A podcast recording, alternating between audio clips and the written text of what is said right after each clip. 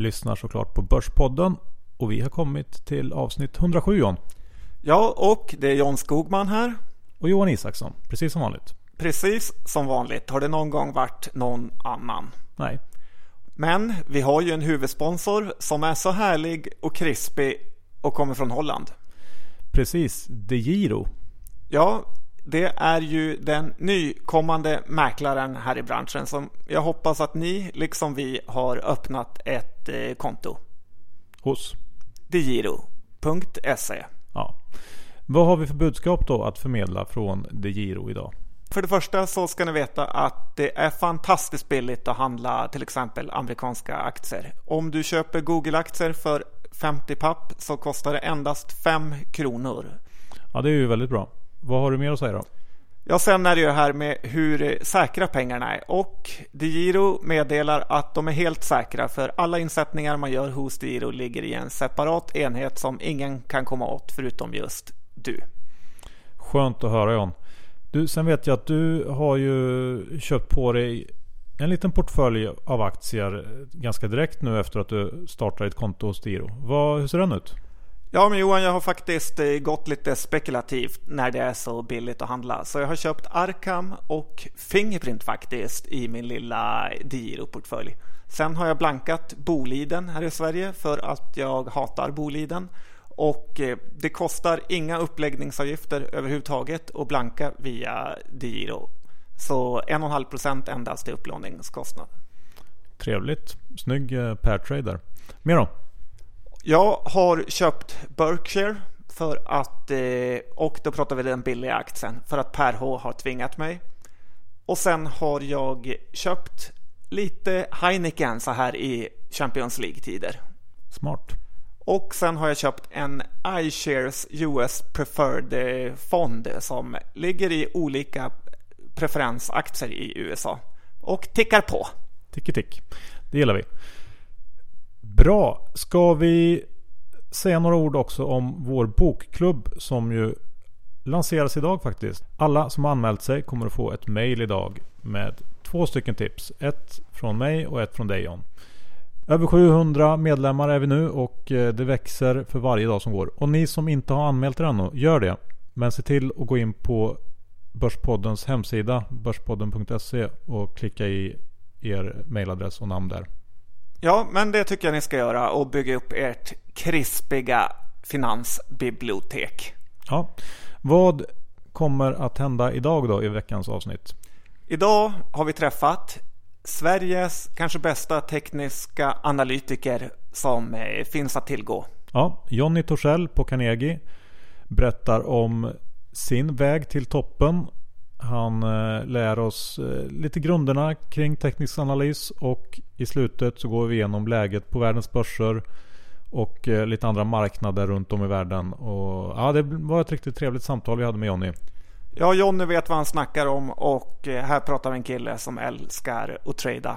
Och den här intervjun gjorde vi torsdagen den 3 september. Bara så ni vet lite grann hur läget såg ut då.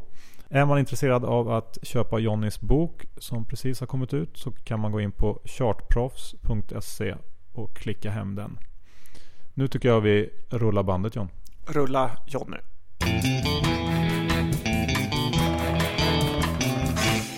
Idag är vi på besök hos Carnegie och vi har fått möjligheten att träffa Carnegies TA-proffs Jonny Torssell. Hej Jonny! Hej! Jättekul att få komma hit och träffa dig. Ja, det är en ära att få bli intervjuad av er. Vi tänkte ju prata om lite allt möjligt idag, men innan vi går in på teknisk analys så tänkte jag att vi kan prata lite om dig och din bakgrund och vad du har gjort. Och eh, vi brukar alltid köra några snabba frågor med våra intervjugäster. Så att vi börjar med dig John. Ja, det tycker jag verkligen att vi gör. Och välkommen hit än en gång. Första frågan. Är du beredd? Mm. Vilken är den bästa te och kol genom tiderna? Oj, det har varit så många. Nej, eh, oj. senast är guldet. Gjort flera bra case i, i guldet. Alltså sagt att man skulle sälja guldet då eller? Eh, köpa guldet. Vi har sån snygg cykel i guldet. Så man kan eh, nästan eh, flera veckor innan veta ungefär när guldet, guldet ska bottna. Men, det, är, men det, det finns så många. Man, eh, i, förresten i januari här så var jag så extremt håsad till de europeiska börserna. Eh, det kommer en extremt kraftig rörelse pratade vi om. För alla stora börserna i Europa, DAX-index, OMX-index, CAC-index, nästan alla börserna, de hade dragit ihop sig rejält. Extremt liten volatilitet. Jag bara väntade på den där explosionen som kommer efter låg volatilitet. Och den fick vi. Vi fick 15 procent upp eller något sånt där bara på ett par veckor i DAX-index. Jodå, jag kommer ihåg det. Det var hemskt för jag var kort. Eh, men vad är det värsta som kan hända inom teknisk analys? Vad är den värsta signalen man kan få? Ja, det, det jobbigaste, det är så mentalt jobbigt är när man går ut på morgonen och säger okej, okay, om, om eh, vi säger den här aktien eh, når den nivån så kliver vi in och tar position med stopploss under lägsta. Vi kliver in och sen blir utstoppade ett par timmar senare. Det är naturligtvis jobbigt. Speciellt då eh, när man sitter så här som jag gör. Jag sitter ju på en tradingdesk då med en massa mäklare och, och sitter på morgonmöte då och talar om att nu går vi in och gör det här. Och sen ska alla stoppa ut sig sen ett par timmar senare och ringa upp till alla kunder. Det är jobbigt. Vilket är ditt eh, största felbeslut du har tagit genom att följa graferna? Graferna för mig på något sätt visar ju sanningen. Sen, sen gör ju jag fel. Jag har gjort eh, massvis med fel. Men det är ju fel eh, det är felen som gör att jag har blivit en, så att säga, en expert.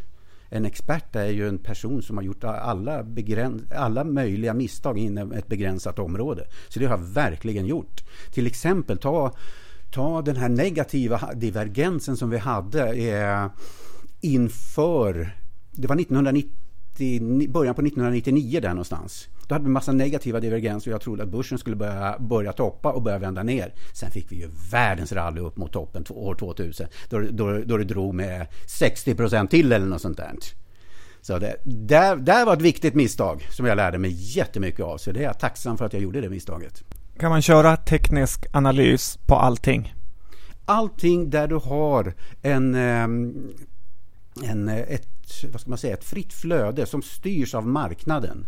Eh, som inte är för ska vi säga, influerad av, av eh, massa eh, regulationer och sådär. Alltså. Och det är en bra omsättning i det, definitivt. Jag, jag gör ju mina tekniska analyser massvis med olika objekt. Blir man rik på teknisk analys? Det finns väldigt många bevis på det. Sen, men sen är det ju precis som inom allting. Man säger vad, vad är bäst? Är fundamentan bäst? Eller handlar med nyheter bäst? Eller är tekniskt bäst? Det är alltid upp till utövaren. Det är precis som man höll på med kampsporten när man var ung. Jag tränade kung fu, min polare tränade karate. Någon annan tränar taekwondo. Vilket är bäst? Det är till syvende och sist är det upp till utövaren. Johan fick bara träna judo för man fick inte sparkas där. Mm. De här jämna nivåerna, 1500 på OMX nu eller 1400, 1600, betyder det någonting egentligen? Ja, det betyder någonting därför att människor väljer att fokusera på det. När de väljer att fokusera på det, då kommer det att betyda någonting. Det vill säga man börjar, ja, vi tror att det ska ner mot 1400. Okej, då kommer människor, när, när indiskt kommer ner dit, då kommer man att börja agera där. Och det är därför det betyder någonting. Det är ungefär som det här med, eh, eh man pratar om dödskorset och, och sådana här saker. Det är endast intressant i min värld därför att mm, andra människor fokuserar väldigt mycket på det. Eller tar extremt låga P tal Det blir samma sak där. Eh, det är intressant därför att väldigt många kommer att fokusera på det. Eh, value players till exempel. Då väljer jag att hålla ögonen på dem därför att så småningom så kommer det deras efterfrågan att börja lyfta aktien. Slutligen, hur ser din egen portfölj ut? Jag får ju inte handla aktier. Jag får inte handla några aktier överhuvudtaget trots att jag är en aktiekille. Eh, jag, väl, jag, jag, tror att jag har de hårdaste reglerna på hela Carnegie. Liksom. Det, det, det, räcker inte ens med månadsregler, jag får inte ens handla det. Så att eh, det, det blir lite fonder och eh, till exempel eh, guldet nu och några sådana där grejer då som jag kan kliva in i ibland. Perfekt, tack för det. Men om vi börjar från början då. Vad, vad är din bakgrund? Hur började du med det här? Vad, vad har du pluggat och, och sådär? Började med, mitt intresse för aktier det väcktes då när min pappa. Han, eh, han, varje år så förde han över lite Volvo-aktier till mig och brorsan. Och det var jag undrade, vad, är det här för något pappa du sätter över för 10 000 varje år eller vad det nu var för det var något sånt skattemässigt, jag kommer inte ihåg. Och det var där det började växa, eh, det här intresset. Eh, sen så småningom sen, mitt första jobb inom branschen det var då 1986 när jag började på ett företag som heter Börsinsikt. Och eh, hade en eh, en liten sån här eh, husgud då. Eh, en kille då som hette Mats Jonnerhag. Eller heter. Han heter Mats Jonnerhag. Så jag gick upp till honom Eh, och jag jobbade då på en restaurang, Hard och Café, som busboy. Jag gick upp till honom och så sa jag att Mats, jag skulle så gärna vilja jobba hos dig. Jag vet han sa att nej, jag behöver ingen här. Men jag jobbar hos dig gratis. Jag tar ut min semester och så jobbar eh, gratis hos dig i en månad. Så får du se om du behöver mig. Så efter en månad sen så bestämde han sig för att han ändå behövde mig. Och det var min väg in. Sen stannade jag då hos Mats då i en 18 år tror jag det var. Eh, och lärde mig jättemycket av honom. Som jag, jag är ju Mats eh, e-, evigt tacksam. Och efter det sen, eh, jag tror att det var 2004 var det. Då ringde de från Carnegie. Och frågade om jag ville börja jobba där. Och jag tänkte, det var ju en av mina absoluta drömarbetsgivare. Så att då, då försökte man hålla masken. Så, ja, det kan jag väl tänka mig. Men det bubblade i kroppen. liksom sådär. Så självklart vill jag göra det. Så att den 1 oktober 2004 började jag på Carnegie. Sen har jag varit där sedan dess. Du eh, var diskplockare på natten och eh, aktiekille på precis, dagen. Precis så var det. Och lärde mig då av eh, min inriktning vart ju inte fundamental analys då som ni vet utan det vart ju då den tekniska analysen. Jag försökte ju lära mig då av de som, som är bäst. Jag har ju det där mindsetet att när jag gör någonting då måste jag bli bäst. Eller tro att jag är bäst i alla fall. Jag är sådär jätteknasig. När jag höll på till exempel, jag spelade bas då, elbas eh, i min ungdom. Ja, då var det också sådär att jag ska bli bäst. Jag satsade hela sommarloven. Jag satt och gjorde upp scheman. Jag satt och spelade tio timmar om dagen. Eh, hyrde in de bästa bas basisterna och tog privatlektioner och så vidare. och så vidare. Tills den dag jag mötte en kille som var yngre än mig. Och så såg jag han, han spela. Och han var så jävla mycket bättre än vad jag var. Så jag tänkte, nej jag kommer ju aldrig någonsin att bli bäst. Så jag la av. Har du mött någon som är bättre i TA än du? Ja, det gör det. Men jag har inte lagt av. Så det finns många som är bättre än mig. Men du har inte pluggat något? Nej, jag har inte den, den vanliga utbildningen utan jag är verkligen självlärd. Jag har tagit lite, lite, lite kurser på Handels i såna här nyckeltalsberäkningar och eh, omvärldsanalys och lite sådana saker. Men det har jag inte haft någon nytta av. Men eh, i, i, det jag håller på med, min, mitt fokus är ju verkligen det här med eh, psykologin. Och det, jag, jag kan säga så här, jag, i min ungdom då, under första åren, då tyckte jag att det här var jäkligt jobbigt. Jag skämdes lite grann för min bakgrund faktiskt. För att jag inte hade den där vanliga vägen in eh, på Handels eller SU eller vad det nu kan vara för någonting. Utan, eh, så det där var lite jobbigt då. Men sen nu i efterhand så har jag blivit otroligt tacksam för att jag inte har den vägen in. Därför att jag har, jag, jag tror inte att jag hade tänkt så som jag gör, att jag hade haft den karriären som jag har, om jag hade gått den vanliga vägen. Så nu är jag å andra sidan extremt tacksam för att jag valde den vägen. Fast under många år, jag tyckte det var, du vet, jag ville inte undvika att försöka, som ni hade ställt den frågan då för många år sedan, hade jag försökt slingra mig undan från den frågan, därför jag tyckte det var lite pinsamt. Nu finns ju internetuniversitet om inte annat. Tack men, för tipset. men vad var det som gjorde att du fastnade för teknisk analys direkt då? Tittade du på, på fundamental analys också? Eller vad, vad var det som fick ja, dig att... det gjorde jag. Eh, men jag vet inte om det var någonting med... Eh, jag fick lära mig av den då som tog in det i Sverige. Då, en, en kille då som hette Sixten Öhman. Så jag pryade hos honom då under flera veckor. Eh, under tid var samma sak där. Ja, men jag jobbar gratis, bara jag får lära mig, suga åt mig alla kunskaper och sådär. Så det gjorde jag. Så det, det nej, slump, intresse. Jag, jag. Men hur gick det på Carnegie då i början? För det är ju lite speciellt att mm. rekommendera aktier bara på grund av eh, TA och tekniska signaler. Ja, absolut. Men jag vet ju ändå att Jag har ganska bra självförtroende i det där. Det, det, är klart, det var ju naturligtvis lite tufft att komma till tunga Carnegie. Självklart. Eh, men jag tycker ändå jag har varit så väl eh, emottagen. Det är så mycket, det är inte bara en massa specialister på ett sånt här företag utan det är också en jävla massa trevliga människor. Varma, sköna människor som gör att man får det där självförtroendet. Och eh, när man har det här självförtroendet då, då kan man prestera bra. Och det, det, tycker jag att jag har gjort. Jag vet att jag överlag så gör jag bra analyser. Kanske låter förmätet men jag gör bra analyser överlag. Sen har jag fel ibland som alla andra, självklart. Men eh, så nej, jag tycker att det, nej, det funkade bra. Men ska vi gå in och prata lite om, om teknisk analys och, och psykologin kring det här? Och vad, vad, vad är teknisk analys egentligen? Kan du ge något svar på det? Ja, det är väl egentligen väldigt enkelt eh, kan man väl säga att det är eh, studie i utbud och efterfrågan.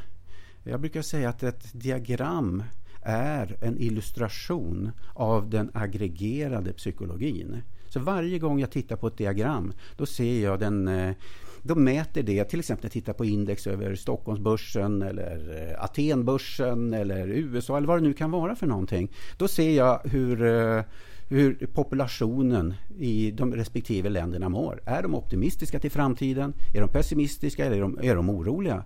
När de är optimistiska till framtiden då kommer det att leda till en upptrend på börsen.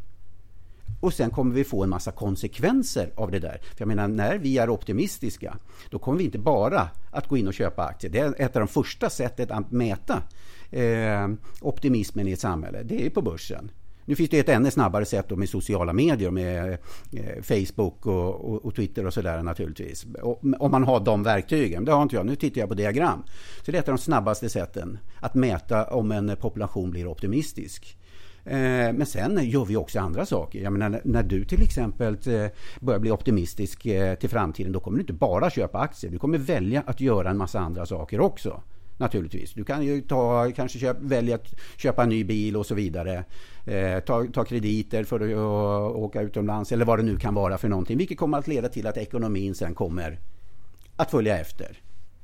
Men, men har det här på något sätt påverkats sista åren nu när vi har haft den här centralbanks liksom styrda värden. världen. För ekonomin har ju inte kanske tagit lika bra fart som, som börserna kanske har indikerat. Nej, nej precis. Eh, jag skulle definitivt säga att det är så. Det, det, det här har varit en dopad uppgång. Eh, det här kommer ju leda till, tror jag, en, som jag har döpt det då till en, det här blir ju QE-bubblan. Eh, 2007 eh, det var ju fastighetsbubblan. 2000 det var ju IT, IT-bubblan. Det här kommer bli en QE-bubbla av det här så småningom. Eh, så att visst, det, det, är verkligen så. Vi, vi har ju fått då, när vi fick den här köpsignalen då i april 2009 efter ett par månader därefter så skrev jag då i shorten att den här uppgången det kommer att leda till att ekonomin kommer att bli bättre. Och när den kommer att bli bättre, ja, då kommer vi se det, eh, då kommer vi ta emot det och sen kommer vi få nya köporder som en konsekvens av att folk blir lite mer optimistiska och så vidare. Så kommer det att fortsätta så här. Men vad är det du tittar på i, efter i graferna? Eftersom eh, du säger att man kan se det, men hur ser man det? Man ser det då på till exempel eh, storleken på stapeln, eh, öppningens förhållande till stängningen. Eh, du kan se det i volymen. Eh, om man tittar då på enstaka staplar, tittar du på en sekvens av olika staplar så kan du se då om det är gap i staplarna, eh, mellan staplarna och så vidare. Och storle storleken på staplarna och eh, trenden i uppgången, in, hastigheten i uppgången. Det finns massa sådana små tecken som visar hur optimistisk eh, den här eh, gruppen är. Och när du säger staplar, vad menar du då? Eh, jag brukar titta, man brukar prata om två olika typer av eh, diagram normalt sett. Eh, bar chart och candlestick-diagram. Jag tittar väldigt mycket på candlesticks. Jag vet inte om det var ett svar på frågan eller om det var för... Ja, och det är då... Hur ser ett sånt diagram ut? Det ser ut... Gud vad svårt att förklara någonting som är så visuellt. Eh, då ska vi se. Det är, det är som en liten box och där öppningen och stängningen utgör den här boxen. Och ovanför den här boxen sen så har vi en högsta nivå och en lägsta nivå. Det är väl lite enkelt förklarat. Nu skulle jag egentligen vilja haft en bild på det här, men det går inte att visa i radio. Nej, det, det är en nackdel att prata om teknisk analys i, i ljudformat. Ja. Men det finns ju så otroligt många olika indikatorer och signaler och Ja, och liksom RSI och det är Stochastic och medelvärden och hur ska man liksom navigera i den här djungeln som är teknisk analys? Mm. Jättebra fråga verkligen. Eh, I min senaste bok där pratar jag väldigt mycket om att lära sig hantverket från början, det vill säga att lära sig att läsa utbud och efterfrågan i ett diagram. Det vill säga titta på staplarna och snabbt få en känsla för om det här är eh, optimism eh, på rejäl nivå. Till, till exempel de elefanterna är med, börsens elefanter, institutionerna, fonder och, och vad det nu kan vara. Eller om det bara är en liten fejkad uppgång av småspararna till exempel. Man kan se, utläsa väldigt mycket i, eh, eh, i, i, i bara staplarna. Så att man ska lära sig att lära sig konsten att läsa eh, det här med utbud och efterfrågan. Lite grann som när man höll på med musik. När jag höll på att spela elbas då i, i min ungdom försökte jag lära mig då att spela efter noter. Eh, vilket var ganska svårt. Och det här är egentligen lite grann samma sak. Att lära sig att eh, läsa eh, marknadens eh, noter så att säga. Det tar ju naturligtvis, eh, jag menar för att bli duktig inom någonting så, så krävs det ett antal år. Eh, och det kommer det att göra med det här också.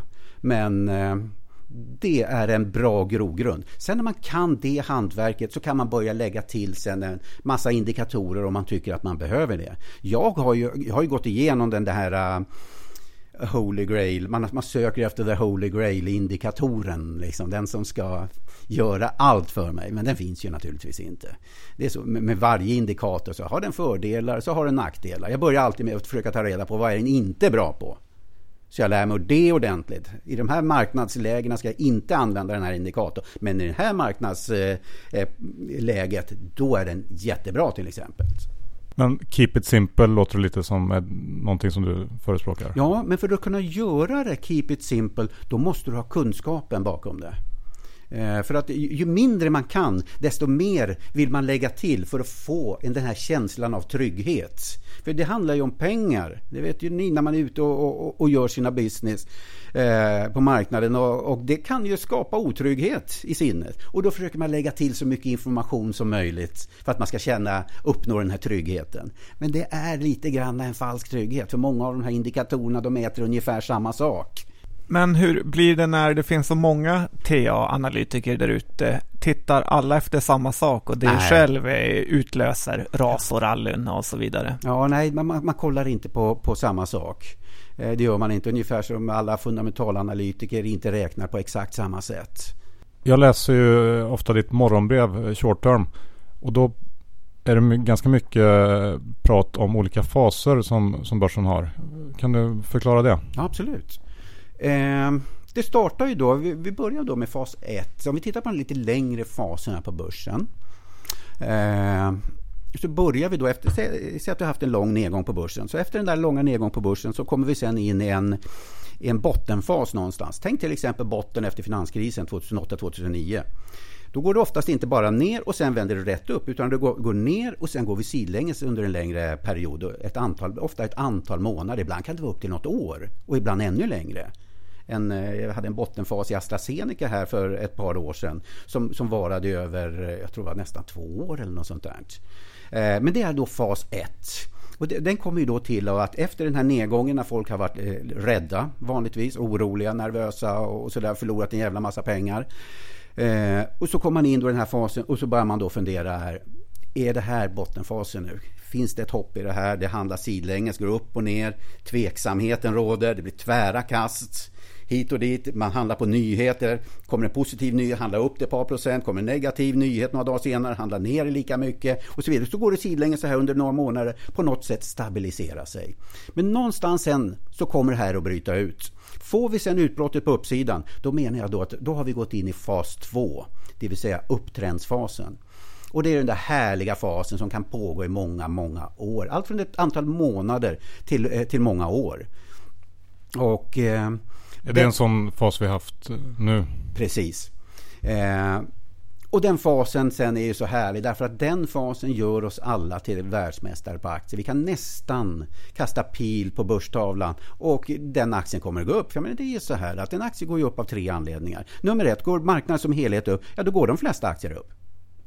Är det drag i en specifik sektor, alla vill just nu ha banker till exempel, ja då kommer de flesta bankaktierna gå upp. Och det sista skälet, företagsspecifik information, till exempel till ny rapport.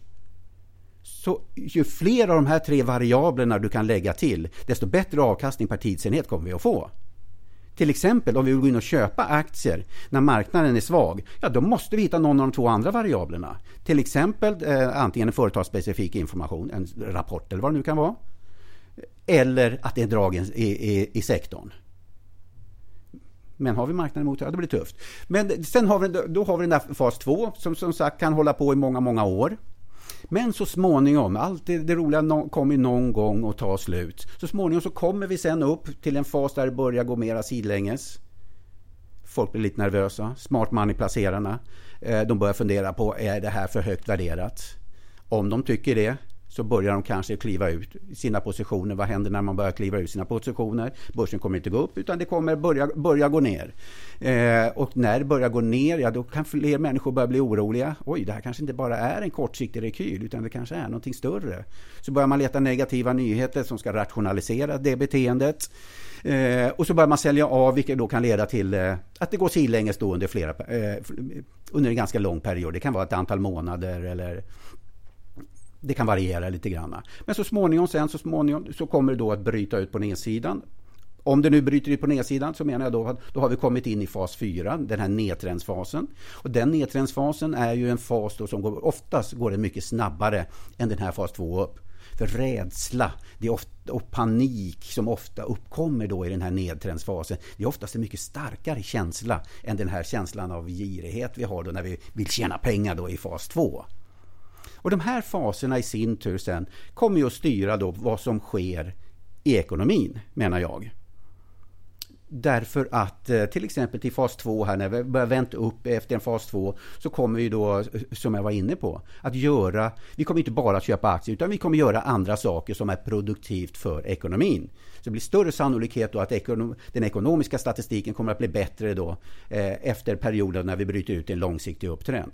Nu ska vi dock hålla, hålla ögonen på det här. Jag menar bara för att börsen går upp 10% under två, tre veckor så kommer det självklart inte att påverka ekonomin. Utan nu pratar jag naturligtvis de lite längre trenderna. Men är det inte svårt att sammanblanda vart man ligger i den här fasen? Det är jo. lättast att se efteråt. För jag menar, 20, om vi tittar på den senaste konjunkturcykeln som börjar 2009 så kan man inte tro att man är i panikfasen 2011 Just det, 2011 där hade vi en ganska svår period. Då låg vi fortfarande i en... Där hade jag problem. Där visste inte jag, okej, okay, har vi redan gått in i en, eh, i en fas 4 här? Men det var ju bara nedgång då under ett antal månader. Eh, och sen eh, bröt vi oss upp i, igen sen i, i, en ny fas 2. Och den fas 2 då har, ju, har ju nu hållit på då i, jag tror det är 36-37 månader eller något sånt där. Men det, det, ibland är det, i teorin är det lätt att titta på den här i efterhand. Men i verkligheten är det ganska svårt. Så ta, nu till, ta läget nu till exempel. Nu har vi befunnit oss då alltså i en, i en fas 2 sen jag tror i januari 2012 om jag inte eh, minns fel. Där bröt det ut senast. Och sen har vi då befunnit oss i en upptrendsfas, det vill säga en fas 2 under hela vägen. Men vad händer nu? För nu har vi fått indikationer på att någonting nytt håller på att ske i marknaden. Jag menar augusti månads eh, volatilitet var ju verkligen extrem. Det var den högsta stapeln, om man tittar på ett månadsdiagram.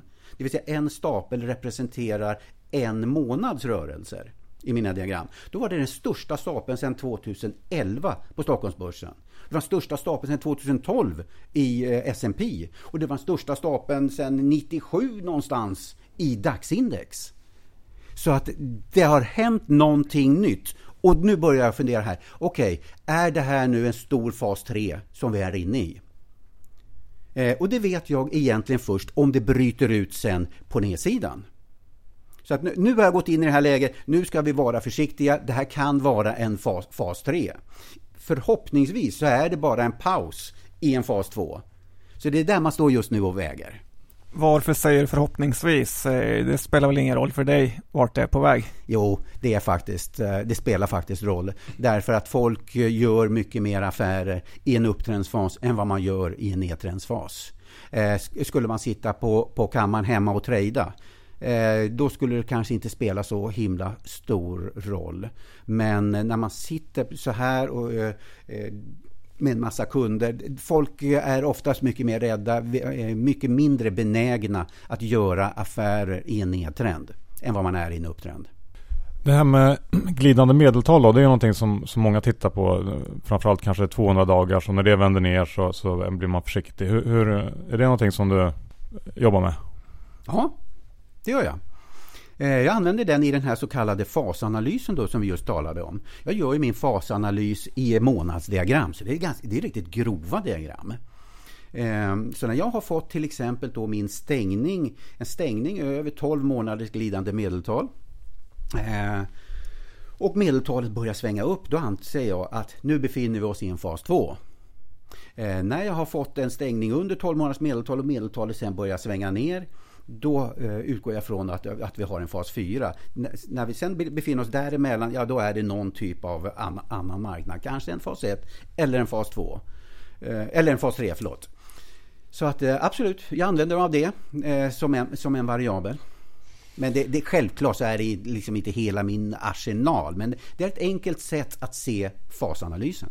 Har du något, något mer, har du någon, någon liksom enkel setup för våra lyssnare som, som kanske vill ha eh, teknisk analys som något slags hjälpmedel i bakgrunden och sådär? Nå, någon, eh, några enkla signaler som man kan använda sig av? Finns det något sånt? Eller måste man lära sig allting väldigt från grunden med chartsen och Ja, det är en fördel om man lär sig naturligtvis från grunden. Men självklart finns det enkla variabler man kan göra. Till exempel en av de bästa eh, setuperna där du har, kommer att ha som högst hit rate. Det är när du befinner oss eh, till exempel i en fas 2 eh, eh, på marknaden som helhet. Jag vill ha, försöka ha de här, någon av de här, de här tre variablerna vi pratar om. Varför en aktie går upp på kort till medellång sikt. Det vill säga marknadssektor, företagsspecifik information. Eh, vi befinner oss i en fas 2 i marknaden. Eh, aktien har, har, har, gjort en rekyl och sen får jag en formation som indikerar att psykologin har svängt om. Till exempel, jag brukar prata om 1-1-staplar till exempel. Eh, efter ett, eh, efter en, en rekyl ner. Det brukar vara väldigt bra.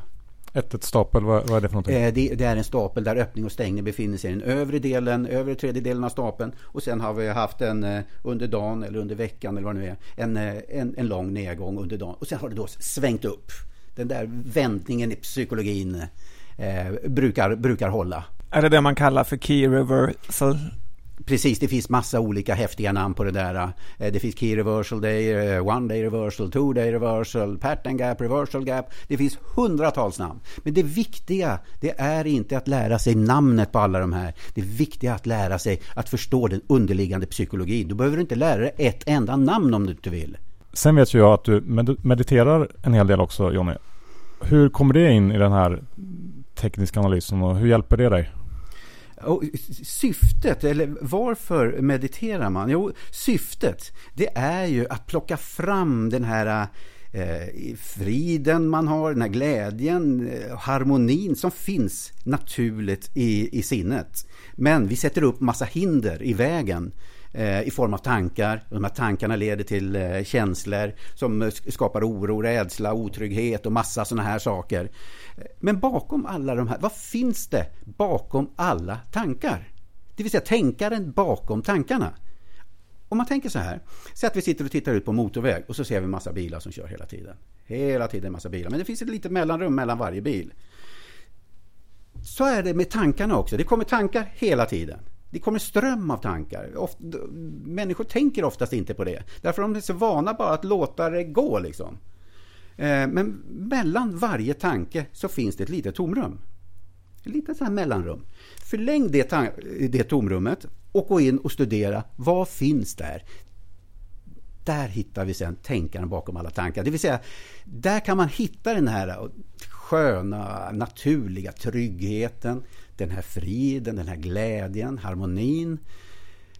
Det tycker jag jätteviktigt därför att det påverkar inte bara mig som människa. För när jag går till jobbet, eh, jag, ska, jag överdriver verkligen inte när jag säger att eh, varje dag när jag går till jobbet så mår jag bra eller så mår jag jävligt bra. Det är det spektrat som jag har varje dag, året om, när jag går till jobbet. För jag mediterar varje morgon innan jag, innan jag eh, går iväg till jobbet. Jag går upp jävligt tidigt. Jag går upp någonstans 04.30. Så jag hinner min timmes meditation innan. Sen behöver man inte vara så sådär crazy som jag är och köra en timme varje morgon. Men jag gör ju det därför att jag gillar att göra det. Eh, hitta den där härliga harmonin eh, och, och, och friden. Och det här, det, det har fått mig att förstå det här med eh, orsak och verkan ta det här exemplet. Säg att ni skulle sitta här och vara eh, jävligt otrevliga mot mig. Då skulle jag eh, då, eh, kanske bli förbannad, ledsen eller någonting och så skylla på er. Det, det är ert fel att jag blir förbannad. Men så är det ju naturligtvis inte. Det är alltid mitt fel. Det är alltid upp till mig hur jag mår. Det kan inte vara, för att skulle det inte vara så, då skulle inte jag, vi ha någon fri, egen fri vilja, eller hur? Det måste vara så att orsaken alltid sitter i sinnet. Quit the blame game med andra ord. Verkligen, precis. Ta ansvar för, för, för dig. Och, och det här har, har fått mig att att liksom kontrollera mitt eget liv. Förut var jag lite mer som ett, man tänker ett, ett löv på hösten. Liksom. Det blåste dit så var jag glad, blåste det dit var jag ledsen, blåste det dit var jag förbannad och så vidare. Men nu har jag verkligen mera kontroll över mitt liv. Jag säger inte att jag har kommit jättelångt i det här, verkligen inte. Men jag har definitivt mycket mera kontroll i mitt liv. Och det har då lett till att jag jag mår bra, bara det. Så här, jag går omkring och mår bra varje dag nästan. Eh, vilket leder också till att kroppen mår bättre eh, sinne, kropp eh, hänger ihop. Dessutom så har det gjort mig till en mycket bättre analytiker tycker jag. Därför att varje dag kan jag titta på det här med helt nya fräscha ögon. Jag är inte präglad av det som skedde då eller då eller vad han sa eller någonting. Jag har varje kväll när jag sätter mig och jobbar, när börsen har stängt så sätter jag alltid och gör mitt jobb inför morgondagen och börjar, påbörjar då short term-analysen då. Börjar alltid med en halvtimmes meditation så jag är helt ren och mår, mår bra och har lugn i sinnet. Så där tycker jag, det där har varit en viktig grej för mig eh, i livet. Ja, men det lät ju väldigt spännande. Men du har ju också skrivit en bok, eller hur? Ja. Kan du berätta lite om den? Ja, det var, jag hade egentligen inte tänkt, jag har ju skrivit så jäkla många böcker nu och jag hade verkligen inte tänkt att skriva en bok till. Men, jag, men däremot hade jag tänkt så här att, jag har ju tre, tre grabbar. Eh, I eh, det var nu var det 18, 20 och 23. Då tänkte jag så här, nu kommer det här låta lite förmätet. Men jag tänkte att fan, jag har ju så mycket häftiga kunskaper. Det här måste grabbarna få ta del av. Eh, så jag vill göra det här på ett enkelt sätt. Man ska, man ska inte behöva lära sig hundratals formationer och, och så här för att bli en, en, bra analytiker. Utan jag vill göra det här på ett enkelt sätt till grabbarna. Så jag satte mig ner och gjorde en massa powerpoint. Och det slutade med att jag gjorde så 900 powerpoint-sidor eller någonting. det var helt vansinnigt. Så visade jag för min, min eh, kollega då, Peter Nilsson. Han som jag har skrivit en, eh, ett gäng böcker med, ihop med. Eh, och så han tyckte det här var, det här var jättebra Johnny, du måste göra en bok av det här. Och eh, nej, fan Peter, jag orkar inte göra en bok till. Jag har verkligen inget intresse. Eh, men så min äldsta son då, Alexander fick höra att Peter hade sagt det och sa men pappa jag tar hand om det här. Jag lovar att ta hand om allt. Du behöver inte tänka på någonting kring det här med boken. Jag tar hand om försäljning, reklam och bolaget. Och, ja, om du lovar att göra det så kan, så kan vi göra det här. Alltså, så att, sen har den här boken kommit ut. Så det var i alla fall, i alla fall bakgrunden till boken. Skoj! Och den mm. heter mm. Teknisk analys med Jonny Torssell helt enkelt. Stämmer. Ja. Vi kommer att eh, lotta ut en kopia av den eh, till lyssnarna. Eh, så att eh, vi får en signerad kopia av dig och eh, så twittrar vi ut det här på Twitter efter avsnittet så får ni vara med i tävlingen. Men nu går vi över till läget just nu på börsen och lite andra eh, marknader. Hur, vi var inne lite på det nyss kring eh, börsen nu att vi står i ett litet eh, spännande läge kan man säga. Hur ser du lite mer detaljerat på läget just nu? Mm. Vi, vi, befinner oss i det här läget nu sen eh, eh i slutet på förra året Då toppade det här viktiga eh, transportindex i USA. Och sen dess har vi befunnit oss i en, först en konsolidering och sen en nedtrend där borta. Jag tycker det är viktigt därför att det är en bra mätare på hur, varorna flödar i USA. Så det, det, tycker jag är en bra mätare på det. Eh, och sen ett antal månader senare toppade då S&P och sen Nasdaq och så vidare. Och, och sen har det, har, har det tappat en efter en då. Och har vi gått in i någon typ av konsolidering. Jag skulle säga att det här är en stor konsolidering på något sätt. Konsol, en konsolidering är en konsekvens. Det är inte en orsak utan en konsekvens av att placerarna har blivit eh, oroliga över någonting. Sen vad det är, det bryr inte jag mig så himla mycket om egentligen. Utan jag tittar ju på, på, på diagrammen och, och, eh, och reaktionerna då på alla, på alla nyheter. Men just nu så är vi i en fas där populationen på de flesta marknader är just nu eh, nervösa. De är jättenervösa för någonting. Eh, och det här kommer, förr eller senare så kommer det här att leda till nya konsekvenser. Frågan är, kommer det här att leda till att vi ska bryta ut på nedsidan och rädsla och panik ska bryta ut, det vill säga i en, en eh, fas 4? Eller kommer det här att leda sen till eh, nya uppgångar, så att fas 2 då ska ta fart igen? Jag har naturligtvis inte svaret på det här, eh, utan diagrammet kommer så småningom visa, visa vägen. Men just nu befinner vi oss i den här fasen. Och vad gör vi i den här fasen då? Jag menar, svaret finns ju förborgat i, i, i, i, i, frågan. Det vill säga, vi är osäkra. Vad gör vi när vi är osäkra? Äh, vi måste dra oss tillbaka lite grann. Få en liten överblick, eh, fågelperspektiv. Dra ner position size när man gör någonting. Eh, vara lite snabbare på att ta hem vinster. Kortsiktiga vinster till exempel. Sikta inte på de där lite större rörelserna i den här typen av marknad. Vilken marknad är du mest orolig för? Europa, USA? Det kommer att hänga ihop så småningom. Vi, kommer att, vi har på något sätt en all the same market. Eh, kommer, kommer vi få en stor nedgång någonstans så kommer det att, och den paniken att sprida sig, eh, tror jag.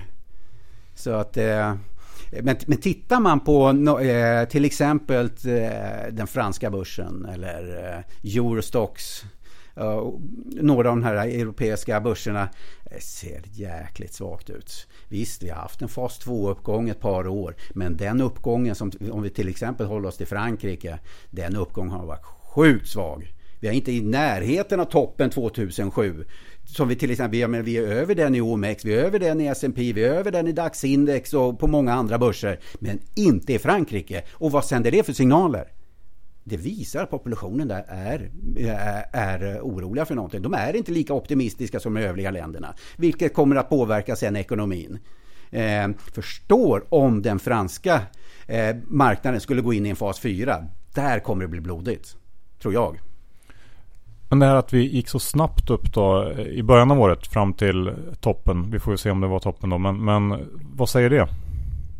Till exempel på För mig var det en konsekvens av jag brukar säga så här att eh, för att få en stor verkan så måste vi ha en stor orsak.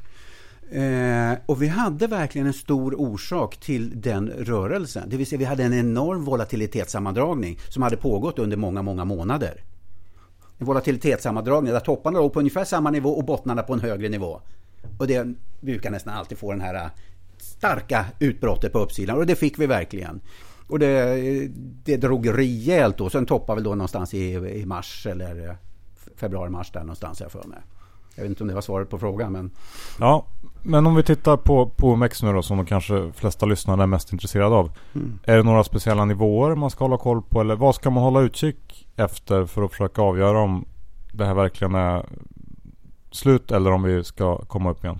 Ja, vill man vara väldigt eh, nära här nu så har jag nivån 1400 på nedsidan. Skulle den bryta, brytas under då, då, då, ökar risken här nu för att vi går in i fas 4. Men sen hänger det också lite grann på sådana här saker som när sker det och så vidare. Sker det under dagen och sen vänder upp och gör en stark stapel på uppsidan, ja då, då vill man ju snarare testa att gå lång eh, på, på den. Men eh, det, det, men det är i alla fall då en, en, en nivå som jag bevakar. Den skulle braka under där, vi får och etablera sig där under. Då är det oroväckande i min värld. Och på andra sidan, uppsidan? Eh, då måste vi börja röra oss igenom har inte exakta nivån i huvudet, men det, det är samma sak där. Vi måste ta oss igenom, ta, ta oss upp på ett speciellt sätt. Vi, jag, jag vill se att börja... Eh, för jag, jag menar egentligen så är det så att vi, vi måste ta oss över 1720 för att det ska bli en tydlig signal. Men jag menar, jag tänker inte vänta så länge. Eh, får jag signaler däremellan, det vill säga jag får indikationer då på att elefanterna kliver in i marknaden igen. Då, Vilka elefanterna? Eh, institutionerna. Eh, och det kommer vi ju se då i, i volymanalysen. Jag menar en elefant på Afrikas savanner den lämnar fotspår eftersom en konsekvens av sin tyngd. Eh, det är samma sak med börsens eh, elefanter. De, de lämnar också fotspår, i alla fall digitala fotspår efter sig i form av volym. De kan inte röra sig utan att lämna eh, volymspår efter sig. Finns det något tyngre än elefanter? Nej, ja, det finns ju olika, olika elefanter. Olika storlek på elefanterna. Det gör det ju naturligtvis. En hord av elefanter. Ja. ja, när de rör sig åt samma håll då, då blir det starka rörelser. Så hur, hur, eh, hur ska man agera nu då helt enkelt? Ska man bara avvakta lite grann? Eller vad? Ja, jag tycker man överlag ska vara försiktig nu. Eh, så länge marknaden uppvisar de här stora kasten upp och ner nu, var försiktiga. Vill man gå in och göra något, gör som jag sa då. Lite mindre position sizing, kanske lite snabbare på att säkra hem eventuella vinster och håll, håll stopparna. Och, och, man måste hålla stopparna borta lite grann också eftersom vållan är så jäkla hög, hög nu, eh, just nu. Annars riskerar man att gå in, bli utstoppad, gå in, bli utstoppad. Och då blir det som en... Visst, man kan ta små förluster men a mountain of peanuts kan bli liksom... Det kan bli stora förluster av det där till slut sen. Aggregerat. Ja, nu kanske du får jobba lite med din meditation för att inte bli arg. Men är det inte rätt ofta när man pratar med TA människor som säger att eh, man måste vara försiktig. Jag tycker alltid att man ska vara försiktig när man pratar med en teknisk analytiker. Nej, det tycker inte jag. Jag har varit väldigt aggressiv i den här, fas, eh, fas 2-uppgången. Eh, och haft du har pratat, med, pratat med fel analytiker. och sen eh, Nej, jag, jag, jag, tycker det i alla fall. Jag, jag, är väldigt aggressiv när jag ska vara aggressiv. Och jag är väldigt försiktig när marknaden visar att jag ska vara försiktig. Det är eh, på något sätt marknadens visdom i det här läget. All right. Om vi tittar på oljan då. Vad säger du om den? Den har ju rört sig väldigt mycket och eh, har enorma rekyler den också på mm. uppemot 8% som var den största rekylen sen, ja, det var Moses. Det var intressant. Den 26 augusti så hade jag ju då en analys på oljan, jag vet inte om ni läste den, eh, där jag pekade på att sentimentet i oljan är extremt negativt. Eh, och eh, i de här lägena när vi har ytterligheter, det vill säga antingen panik, rädsla eller eufori, där ska man vara, vara väldigt uppmärksam. För jag menar, i varje kris Eh, så, föds, så finns alltid en möjlighet och i varje eufori så finns fröet till nästa kris. Så att i oljan, där hade vi då, hade gått ner i över ett års tid. Jag hade fem, fem vågor ner och därför skrev jag, och, och den här enorma negativa sentimentet. Det var ute med analyser, 15 dollar och så vidare. Det skulle ner. Eh, men då var jag ute och pratade, snart kommer vi få den största rörelsen i oljan eh, på, på, på, över ett år. Och sen tog det ett par dagar sen fick vi den här kraftiga rörelsen. Jag tror, som trader går man in och handlar oljan här nu med en stopploss under förra veckans lägsta. Eh, och siktar på en rörelse, bränt den kanske upp mot en 65 dollar eller något sånt där. Eh, det här kommer inte vara en rörelse som kommer gå rätt upp. Utan det kommer som, som vanligt då zigzacka oss uppåt. Men eh, jag tycker det, det känns som en, eh, en bra eh, risk-reward trade att ta den här nu. Jag tror att vi har en kanske två, två på en eller något sånt där. Det, om man talar riskenheter, alltså riskenhet har möjlighet att tjäna två och två och en halv enheter eller något sånt där. Så köp på olja alltså? Ja. Hur ser de andra råvarorna ut som har gått eh, väldigt dåligt? Ja, Eh, guldet hade jag ett case på här för eh, två, ja, två, tre veckor sedan där någonstans. Jag tror jag, guldet har ju den, eh, jag, jag börjar nästan le när jag pratar om det, det är så häftigt. Guldet har ju en sån här härlig cykel. Den bottnar i genomsnitt så här, 22 veckor från den förra botten, plus minus 4-5 veckor någonstans. Eh, då tänker ni fyra, fem veckor plus minus. Det är ju jättelångt Johnny. Ja, men vad, vad jag gör när jag, jag vet att jag har en botten här. Sen när jag har den botten eh, eh, prognostiserad eller klar, då, då sätter jag redan då ut var nästa botten ungefär ska ske tidsmässigt. Eh, och, och, när vi börjar närma oss den tiden och eh, guldet då börjar komma ner dit och leta efter en formation som indikerar att psykologin har svängt. Sen går man in och tar position. Och det där, jag menar, ibland blir det 18 veckor, ibland är det 25 veckor, ibland är det 23 och så vidare. Men det är en väldigt repetitiv cykel. Den är jättehäftig och det hade vi här då för ett par veckor sedan. Då hade det gått över vad det nu var, 18 veckor eller eh, nå, någonting sånt där. Jag fick min perfekta formation. Jag tror att guldet ska upp mot en, någonstans runt en 1300 dollar eller något sånt där. Vi har en bra eh, eh, risk-rewarder där. Eh, placera stopplossen under lägsta nivån. Eh, jag tror, jag, jag, tror på guldet, så jag tror att ska, den ska upp. Silver ser, eh, tror jag också ska upp. Bara det att guldet leder, så jag vill hellre hålla mig till guld än silver. Eh, alltid försöka hålla sig till de som leder eh, köra på de starkaste tycker jag. Om vi går över och tittar på eh, räntor då.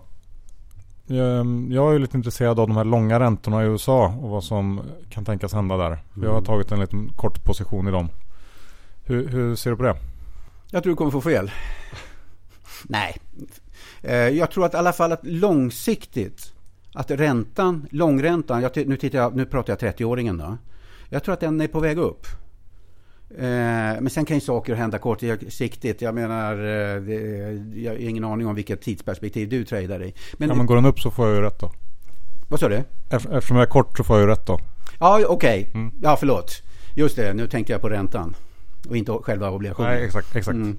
Eh, jag tror att räntan, yielden, alltså ska upp eh, på sikt. Eh, jag tror att det kan gå upp ganska rejält också. Eh, sen kommer det inte bara bli en snabb och rak uppgång utan eh, det kommer zigzacka sig upp, uppåt. Men eh, jag tror att det är på väg uppåt och det är här som det blir så otroligt spännande sen. Avgörande för börsen. Hur mycket ränteuppgång tål USA? Det här kommer bli otroligt spännande med tanke på alla deras enorma skulder. Jag menar, vi har mer skulder nu än vad vi hade 2007. Och skulle räntan börja röra sig uppåt det, det, kan bli en eh, avalanche på börsen av det här. Därför jag menar, vi vet att eh, placerarna är extremt belånade i USA. När de börjar bli oroliga, då kommer de att börja kliva ur den där. De ska dra ner den där. Och det är det som kan leda till eh, ganska kraftiga rörelser sen på nedsidan tror jag. Dr. Bass bara sitter och myser när han hör allt det här. Alltså. Men jag gillar hur du blandar fundamentala grejer med tekniskt också. Mm. Det gör jag egentligen vanligtvis inte utan jag håller mig till mina diagram. Men man kan ju ändå snappa upp vissa vissa variabler. Fundamentan styr verkligen inte mina åsikter utan när man läser Johnny Torssells analyser då vet man att det är det enbart diagrammen som styr. Sen kan man ibland snappa upp och det kan sammanfalla med vad vår makroanalytiker säger eller fundamentalkille säger och sådär. Självklart. Men när jag tittar på ett diagram då vet man att den är ren från all annan influens. Har du tittat på någon teknisk analys för eh, Stockholms eh, bostadsmarknad? Nej, det har jag inte gjort. Jag har inga riktigt bra diagram över det. Eh, självklart kan man ju titta på eh, fastighetsaktier och sådär. Eh, en av de aktierna som jag tycker ser jäkligt spännande ut till exempel är ju Balder. Ja, men det befinner sig i en fas 2-rörelse och har gjort under en, en, period. Och sen har den bara gått in i en sidlänges paus när marknaden har varit så här svag. Skulle marknaden börja dra, den kommer vara en av vinnarna tror jag. Erik Selin for president. Har du någon mer aktie som du tycker är spännande åt ja, ja, ena eller andra hållet? Jag tycker att SCA ser spännande ut också. Det är en sån här leader. Eh, jag brukar prata ibland om, såna, eh, om torpedos. Som eh, liksom, om marknaden börjar röra sig åt rätt håll så kommer den, tror jag, att eh, kunna dra på. Så den, den, tror jag är, kan bli spännande. Men, eh, men sen har jag det här med marknaden. Nu, nu, vill jag, jag vill vara lite försiktig nu. Jag är väldigt försiktig. Jag har inte särskilt mycket case på månaderna nu. Bara, som jag hade tidigare i fas 2. Jag menar, då hade jag case varje dag. Eh, till, till mäklargänget då på morgonmötet. Men nu, nu är det väldigt sparsamt med det. Vilken aktie ser du som svagast då? Som man ska blanka? Eh, jag har egentligen ingen eh, riktig... Jag, jag, jag, ska säga så här, jag har inte riktigt fokuserat så mycket på det ännu eftersom marknaden är i en fas 2. Eller en fas 3 eventuellt. Eh, så jag är lite så här, ja, jag vet inte riktigt eh, om jag ska börja gå ut med blankningscase ännu. Men Alfa tycker jag ser ganska svag ut. Eh, den, eh, det skulle kunna vara en sån. Sen... Du, du, du stannar där? Jag stannar där.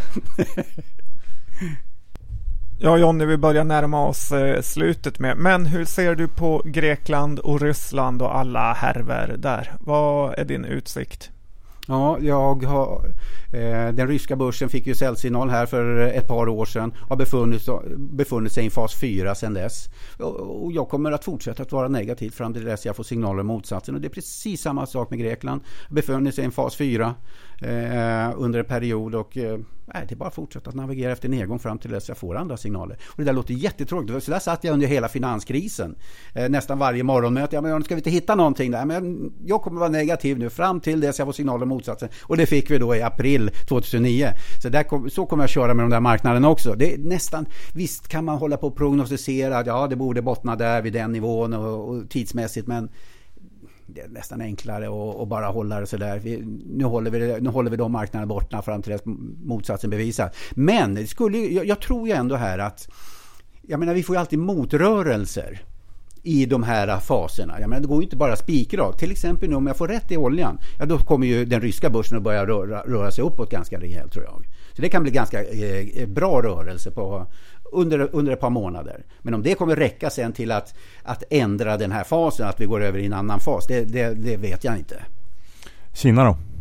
Kina, eh, osäker just nu. Där, där, eh, jag har inga tydliga, tydliga signaler där just nu.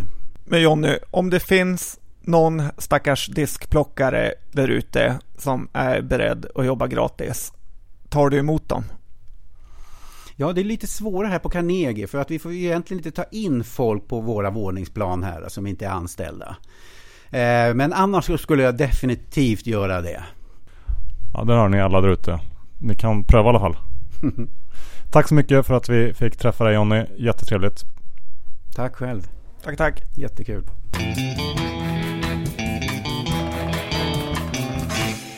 Sådär John. Härligt. Jajamän, Jonny T levererar eh, gång på gång och eh, det här med teknisk analys är ju faktiskt något eh, som vi båda tycker är lite intressant. Ja, det skadar inte att ha med det i bakhuvudet när man tittar på börsen. Och vill ni köpa Jonnys bok, vart gör man det? Chartproffs.se Tack än en gång Digiro för att det går att handla aktier med er så fantastiskt billigt. Öppna konto som jag och Johan har gjort. Gör det. Och glöm inte bort att vill ni anmäla er till bokklubben, gör det via hemsidan. Det kommer att bli fantastiskt kul. Och slutligen, glöm inte bort att lyssna på Fondpodden som alltid levererar kvalitativa avsnitt varannan vecka. Ja, nu var det väl färdigpratat för oss Johan? Det var det. Nästa vecka kommer det att vara någonting helt annat. Ja, som vanligt med oss. Tack och hej, vi syns om en vecka. Ha det fint, hej då.